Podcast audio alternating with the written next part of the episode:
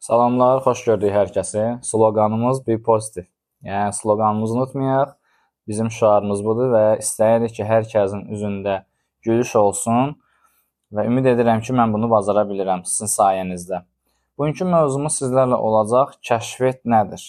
Kəşfiyyata necə düşə bilərik? Çünki bu sual həqiqətən çox gəlir və mən istəyirəm ki, ə, e, izləyicilər və bütün insanlar bu haqqda düzgün məlumatlı olsunlar və ə, e, kəşfiyyatın vaxtı var, e, kəşfiyyata necə düşə bilərik, ödəniş edib kəşfiyyata düşə bilərik. Yəni bu sualların cavabını ə, e, çalışacağam tam ətraflı verməm. Okay. Deməli başlayırıq. Kəşfiyyat ilk öncə nədir? Kəşfiyyat əlbəttə ki, bizə ə, e, tərcüməsi gələndə xariclərdə bu gedir explore, viral sözlərinə, trend sözlərinə. Yəni ki, bu mövzu, yəni bu video insanların daha çox izləndiyi və daha çox maraq göstərdiyi bir mövzudur. Məsələn deyirəm, Instagram hesabım spama düşdü və yaxud Instagram hesabım bağlandı deyəndə bu bütün insanların axtardığı bir problemdir. Çünki insanlar ə, e, bunu həll yolu axtarmağa çalışırlar və ödənişli və yaxud ödənişsiz şəkildə hesablarını geri qaytara bilirlər və yaxud ə, e, spamdan çıxarda bilirlər. Amma əsas məsələ odur ki, ə, e, kəşfiyyat o deməkdir ki, yəni qeyd edirəm, yəni trenddədir. Yəni bu sizin videonu insanların çoxsu izləyir. Çünki insanların çoxsuna bu maraqlı gəlir və onlar öz ətrafları ilə Əgər müəyyən qədər kiçik və yaxud böyük influencer, tanınmış şəxslərsə, onlar da öz belə deyək, hekayə bölmələrin bölmələrinə sizin postunuz haqqınızda, videonuz haqqında paylaşırlar və bu viral olur, yəni trend olur, daha çox insan izləyir. Və əlbəttə ki, kəşfiyyata düşmək üçün çox insanlar söyləyir ki, nələr etməliyik, ə, hansı yollar var. Əslində yollar çox sadədir. Yəni ki, hansılar ki, biz ilk öncə Bu daha çox indiki zamanda reelslərlə mümkündür. Yəni bu TikTokda da və Instagramda da eyni halı alıb ki, burada ilk öncə videolar keyfiyyətli çəkilməlidir və belə deyək, daha maraqlı, yəni bizim sahəmizə uyğun və insanların daha çox axtardığı mövzu üzərindən biz reelsi hazırlamalıyıq və əgər uyğun gələrsə trend mahnının istifadə edirik və yaxud hər hansı bir fon olaraq arxa fonda hər hansı bir piano ə, e, səsi ola bilər və yaxud digər musiqidən istifadə etmək olar ki, daha da rəngarəng olsun. Yəni bir növ həmən səs və yaxud trend mahnı bizim hazırladığımız video ilə üst-üstə düşsün. Və bunları etdikdən sonra əlbəttə ki, biz ə, e, kəşfiyyata düşə bilərik. Amma %100 e, qaranti yoxdur ki, yəni biz bu videonu hazırlayacağıq planlı şəkildə. Bu video kəşfiyyata düşəcək. Belə bir deyim yoxdur. Və əlbəttə ki, əsas məsələlərdən biri kəşfiyyətin vaxtı var sualına cavabdır ki, Bunu da cavablandırım ki, əfsuslar olsun ki, kəşfiyyatın vaxtı yoxdur. Ola bilər siz gecə paylaşım edə bilərsiniz, gündüz paylaşım edə bilərsiniz. Bu sizin izləyicilərdən asılıdır. TikTok platformasında burada izləyici olmaya da bilər, çünki ümumən ə, qlobal, yəni insanların qarşısına çıxır və insanlar əgər ə, bəyənirlərsə, videonu izləyirlərsə, o video kəşfiyyata düşür. Amma Instagramda alqoritm fərqli işləyir. Yəni ki, kəşfiyyata düşmək üçün ilk öncə bizim izləyicilərimiz belə deyək, reaksiyaları yaxşı olmalı. Niyə görə? Məsələn, biz video qoymuşuq, artıq 30 saniyə bir videodur və insanlar belə deyək, onu 5 saniyə izləyirlərsə, bu video kəşfiyyata düşməyəcək. Çünki ilk öncə Instagram bizim ilkin izləyicilərimizə videonu göstərir və müəyyən bir hissəsi, deyəlim ki, bir 5, 10, 50 izləyicimiz bizim video 30 saniyə düzdür. 30 saniyə sonra kimi izləyirsə, bu artıq E, o deməkdir ki, yəni video maraqlıdır ki, siz sona kimi izlədiniz və alqoritm bunu başa düşür. Görür ki, siz videonu sona kimi izlədiniz və bunu qeydiyyatına aparır. Daha sonra isə e, ikinci mərhələdə, ikinci addımda e, sizin izləyici olmayan, yəni kəşfiyyat bölməsində yoxlayır. Görür ki, həqiqətən orada da 5 nəfər videonu tam izlədi və sizin də növbəti etapdakı ikinci mərhələdəki izləyiciləriniz izlədi. Artıq daha çox insan qarşısına çıxır və videonuz yavaş-yavaş kəşfiyyata düşməyə başlayır. Və çox suallar gəlir qlobal kəşfiyyatla bağlı. Bəs ora necə düşə bilərik? Əsas məsələ qlobal kəşfiyyatın mənası odur ki, yəni biz əgər dünyaya açılırıqsa, burada əsas məsələ nədir? Yəni dünya üzərində insanların bir-biri ilə ünsiyyət quracağı dil ingilis dilidir. Və bizim kontentimiz, mövzumuz əgər ingilis dilində danışırıqsa və yaxud videoda ingilis dilində arxa fon yazılar və yaxud səslənmə varsa, bu artıq bizim üçün daha rahat. Çünki Yenə qeyd edirəm ki, dünya üzərində insanlar bir-biri ilə vahid dil, hal-hazırda ingilis dilidir və insanlar bu dil üzərində bir-biri ilə əlaqə qura bilirlər, danışa bilirlər və ona görə də belə videolar hazırlansa kəşfiyyata, qlobal kəşfiyyata düşə bilər. Yəqin ki, sizlər də görmüsünüz ki, Azərbaycanda bəzi bəzi videolar var ki, onlar qlobal kəşfiyyata düşürlər. Bunun əsas məsələsi nədir? Yəni orada ingilis dilindən və yaxud hər hansı bir videodur, səsləndirmədir, arxa fon danışıqdır. Yəni oradan ingilis dilindən istifadə olunur. Yəni əsas məsələ, fokuslanmalı olduğumuz məsələ budur. Və yəni sizlərə məsləhətim budur ki, ə, çalışın izləyicilər o səmimi bağ qurun ki, sizin videolarınız izlənsin və ə, çalışın bunu planlı şəkildə edin. Bəzən sual verilir ki, mən gündəlik yolda videolar paylaşa bilərəm.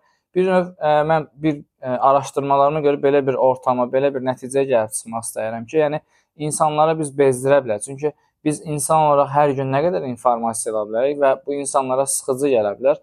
Amma ki, biz bunu davamlı olaraq planlı şəkildə etsək, yəni həftədə ən az 200 dəfə reelslər paylaşsaq, maarifləndirici və yaxud əlavə özümüz haqqında bir e, trend mahnıdan istifadə edərək bir reelslər hazırlaya bilərik.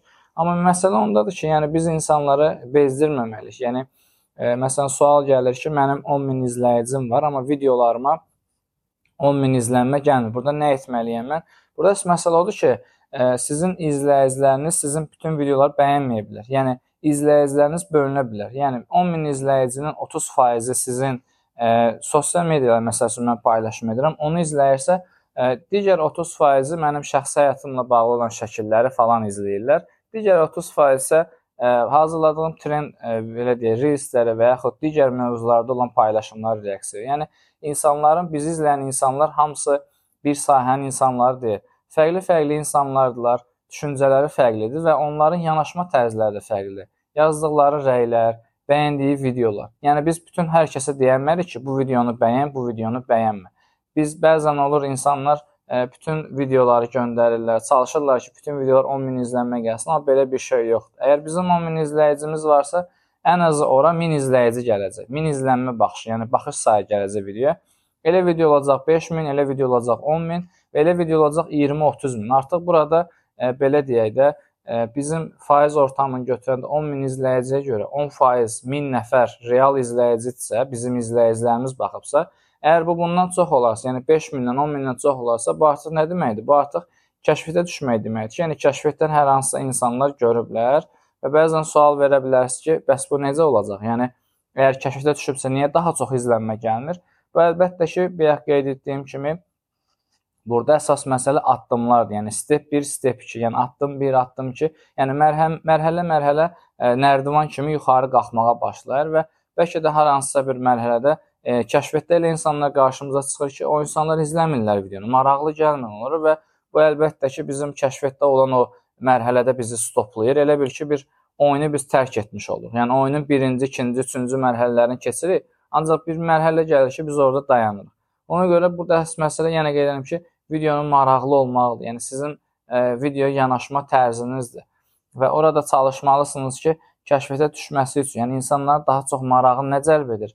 məişət dilindən istifadə edərək özünüz olmağı. Məsələn, mən smoking geyinərək danışıq etsəm və stabil olaraq standart danışsam, bu insanlara sıxıcı, bezdirici gələ bilər. Amma mən məsələn hər videomda sloqanımız bir pozitiv deyirəm, gülər üz qarşılayıram, insanlarla bağ qurmağa çalışıram və bu insanlara maraq qatır. O fərqliliyi görürlər və əlbəttə ki, geyim tərzini də seçdirəm, rəngli geyimlər geyinirəm, hər zaman fərqli geyinməyə çalışıram.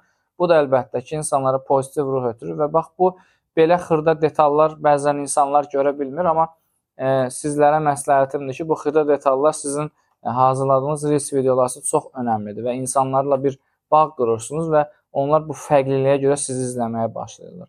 Və əsas məsələ odur ki, yəni şəxsi brendinqdə, markalaşmaqda bu fərqliliyi yaratmalıyıq. Yəni biz bax fərqliyik. Məsələn, 50 dənə kargo şirkəti, amma biz bax fərqliyik. Bizim sloqanımız var, bizim loqomuz fərqlidir. Müştərilərlə tamam başqa cür danışırıq. Geri dönüşlərimiz yaxşıdır. İşçilərimizin sayı çoxdur ki, e, çalışdığımız qədər müştərilər tez geri dönüşür. Yəni bax bunlar hamısı xırda-xırda detallardır, amma toplu şəkildə gəlib çıxanda markalaşmada çox önəm daşır. Ona görə biz çalışmalıyıq ki, ə, e, kəşfiyyat məsələsinə çox fokuslanmayaq. Fokuslanaq əsas nəyə? bizim markamıza, brendimizə ki, yəni bax bizim ə, e, məqsədimiz budur. Yəni hədəfimiz budur ki, 1 ildən sonra ə, e, bu qədər auditoriya qarşısında olaq və bu qədər auditoriyamız olsun. Amma çalışın ə, auditoriyanı da seçərkən keyfiyyətli insanlara müraciət edin. Yəni keyfiyyətli insanlar sizi daha çox ə, belə deyək qabağa aparacaq. Məsələn, mənim hər hansısa bir şirkətə və ya hər hansı bir məhsulu alanda ilk öncə araşdırın, görün keyfiyyətli məhsuldur. E, xidmət göstərən işçiləri necədir şirkətin, şirkətin mənə münasibəti necə? Yəni onlar hamısı yüksək səviyyədə olanda mən artıq özüm ona özümə bir borc bilirəm ki, insanlarla bunu paylaşım ki, bax belə bir şirkət var. İşçiləri də yaxşıdır, xidmətləri də keyfiyyətlidir, yaxşı xidmət göstərirlər. Bu artıq hamısı birlikdə nə təşkil edir? Kompakt, yəni e, birlik təşkil edir və mən artıq özümə borc bilirəm ki, öz səhifəmdə insanlara, tanıdığım ətrafında, dostlarıma, tanışlarıma, hər kəsə məsələn o şirkəti və məhsulunu məsləhət gör. Ona görə biz əsas fokuslanmalı olduğumuz məsələ e, insanlar, izləyicilərlə e, bağ qurmalıyıq. Onlar rəy yazırsa, rəylərinə cavab verməliyik. Mesaj yazırlarsa, mesajlara cavab verməliyik. Bax bizim əsas məqsədimiz, yəni hədəfimiz bu olmalıdır ki, auditoriyamıza fokuslanaq. İzləyicimiz çox olsun, rəy gəlsin, bəyənmə gəlsin, video izləmə sayı, baxış sayı gəlsin. Bunlar hamısı əslində boş şeylər. Bizim əsas fokuslanmalı olduğumuz izləyicilərdir və izləyicilərlə biz yaxşı bağ qursaq, bizim videolarımız da yaxşı izlənmə gələcək, yaxşı kəşfətə düşəcək. Yəni gözlədiyiniz o nəticəni bir də görəcəksiniz, yəni gözləmədiyiniz nəticə olacaq. Yəni bir videodan siz 1000 izlənmə gözləyirsiniz. Amma zaman ki, həmin videodan 10 min, 50 min, 100 min izlənmə gələcək. Və sonda onu qeyd edim ki, bəzən izləyicilər video paylaşanda ə, e, müştərilər pis olurlar. Belə bir şey yoxdur. Yəni kəşfətə bir gün içində də düşə bilər. 1 ay içində, 6 aydan sonra, 1 ildən sonra da sizin videonuz kəşfətə düşə bilər. Yəni bunun üçün zaman lazımdır. Çünki ə, e, bu əlbəttə ki, sizin izləyicilərdən də asılıdır. Instagramda bu izləyicilərdən asılıdır. Əgər sizin izləyici sayınız azdırsa, bunun üçün bir zaman lazımdır. Çünki sizin 1000 izləyici, 100 izləyici varsa, onlar hamısı videonu sona kimi izləsələr, əlbəttə ki, sizin də videonuz kəşfətə düşə bilər. Və çalışın yenə də qeyd edirəm ki, əsas fokuslanmalı olduğunuz məsələ sizin sahədə. Sahənizdə hədəfinizi belirləyin ki, hədəfinizi tapın ki, hədəf nədir və gündəlik olaraq planlı şəkildə reelslərinizi hazırlayın, karusel postlar hazırlayın və hekayə bölməsində insanlarla aktiv şəkildə olun. Və sloqanınızı da unutmayın. Be positive.